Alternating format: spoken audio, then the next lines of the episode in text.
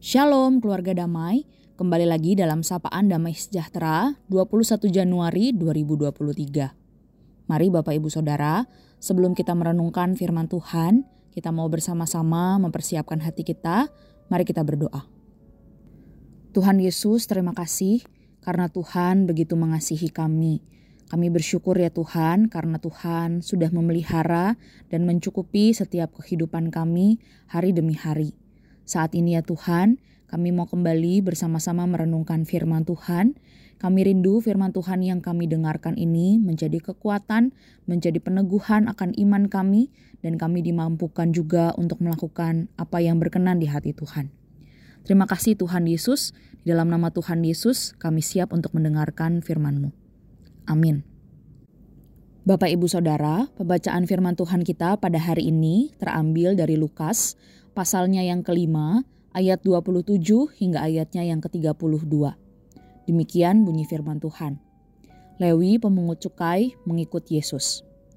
Kemudian ketika Yesus pergi keluar, ia melihat seorang pemungut cukai yang bernama Lewi sedang duduk di rumah cukai. Yesus berkata kepadanya, "Ikutlah aku." Maka berdirilah Lewi dan meninggalkan segala sesuatu, lalu mengikut dia.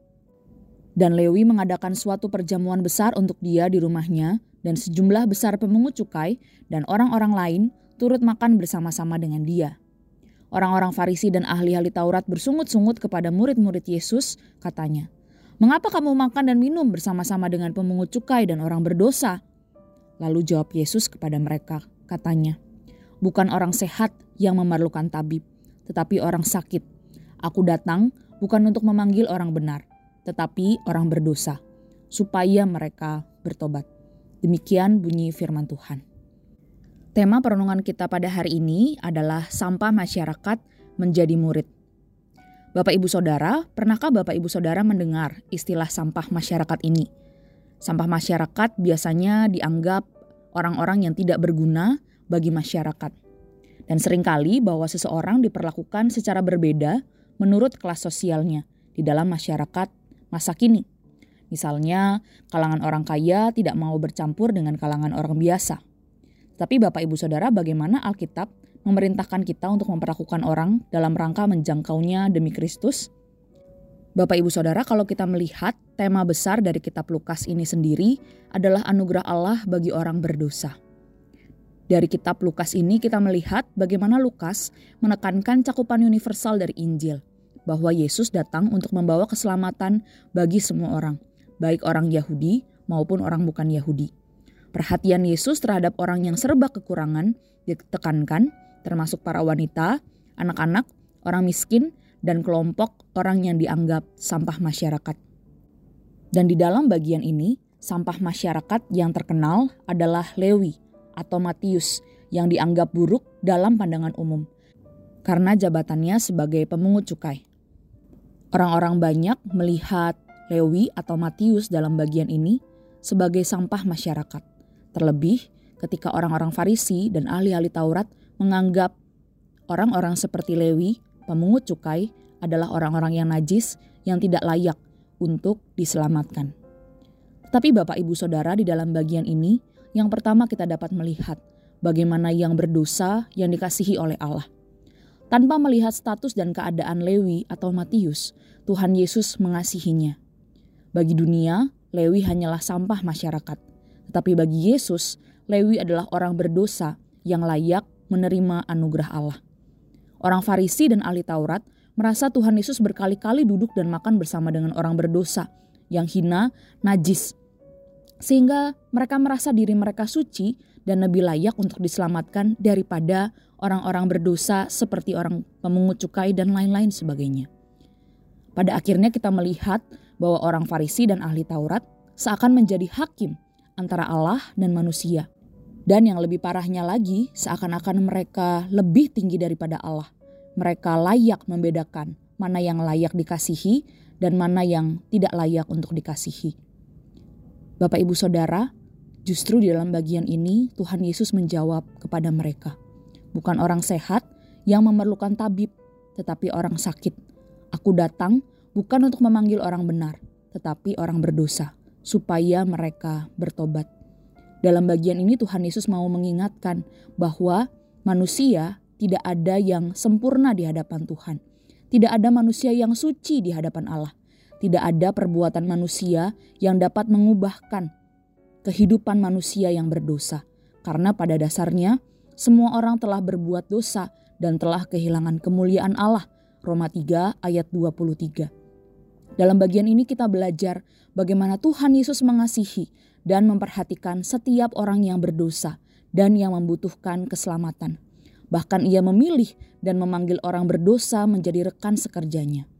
Bapak ibu saudara, orang terkenal mana yang mau memakai sampah masyarakat menjadi rekan kerja.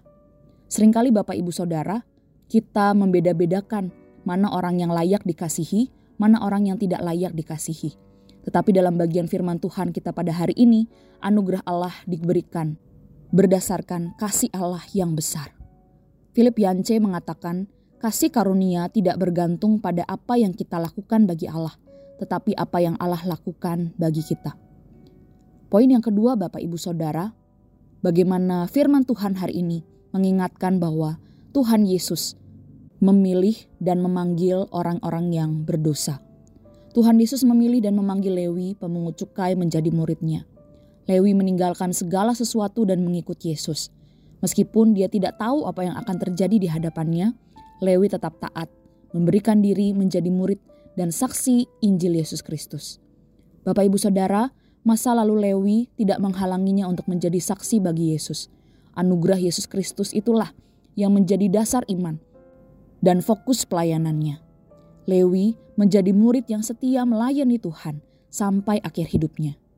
Ia mati syahid dan bahkan melalui kehidupan dan kematiannya, semakin banyak orang yang mendengar Injil dan percaya kepada Yesus melalui pelayanannya. Bapak Ibu Saudara, bagian firman Tuhan ini sekali lagi mengingatkan kita bagaimana anugerah Allah mengubahkan dan memampukan kita untuk menjadi saksi Injilnya.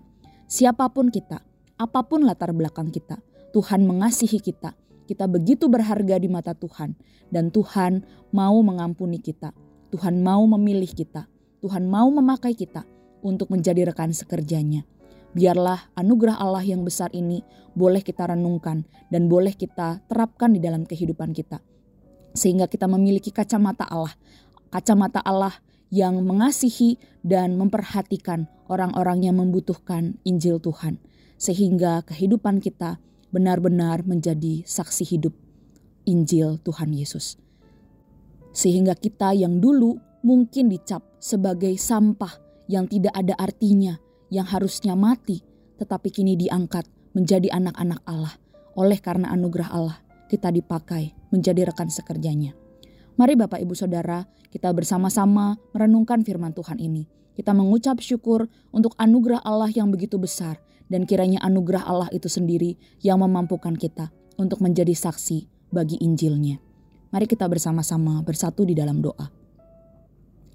Tuhan Yesus terima kasih karena Tuhan begitu mengasihi kami. Kami orang-orang yang berdosa. Kami adalah orang-orang yang tidak layak untuk merasakan kasih Tuhan. Tetapi ya Tuhan, kasih Tuhan begitu besar buat setiap kami. Kasih Tuhan yang bahkan mau memilih kami menjadi rekan sekerja Tuhan. Ya Tuhan, biarlah kami sungguh-sungguh hidup mensyukuri, menghargai anugerah yang Tuhan sudah berikan sehingga kami pun juga belajar untuk mengasihi orang-orang di sekitar kami, tidak membeda-bedakan siapa pun orang di sekitar kami. Kami rindu melalui kehidupan kami, kami menjadi saksi, dan kiranya anugerah Tuhan sendiri yang memampukan kami. Terima kasih Tuhan Yesus. Di dalam nama Tuhan Yesus kami menyerahkan kehidupan kami. Amin. Selamat beraktivitas Bapak Ibu Saudara. Tuhan Yesus memberkati setiap kita.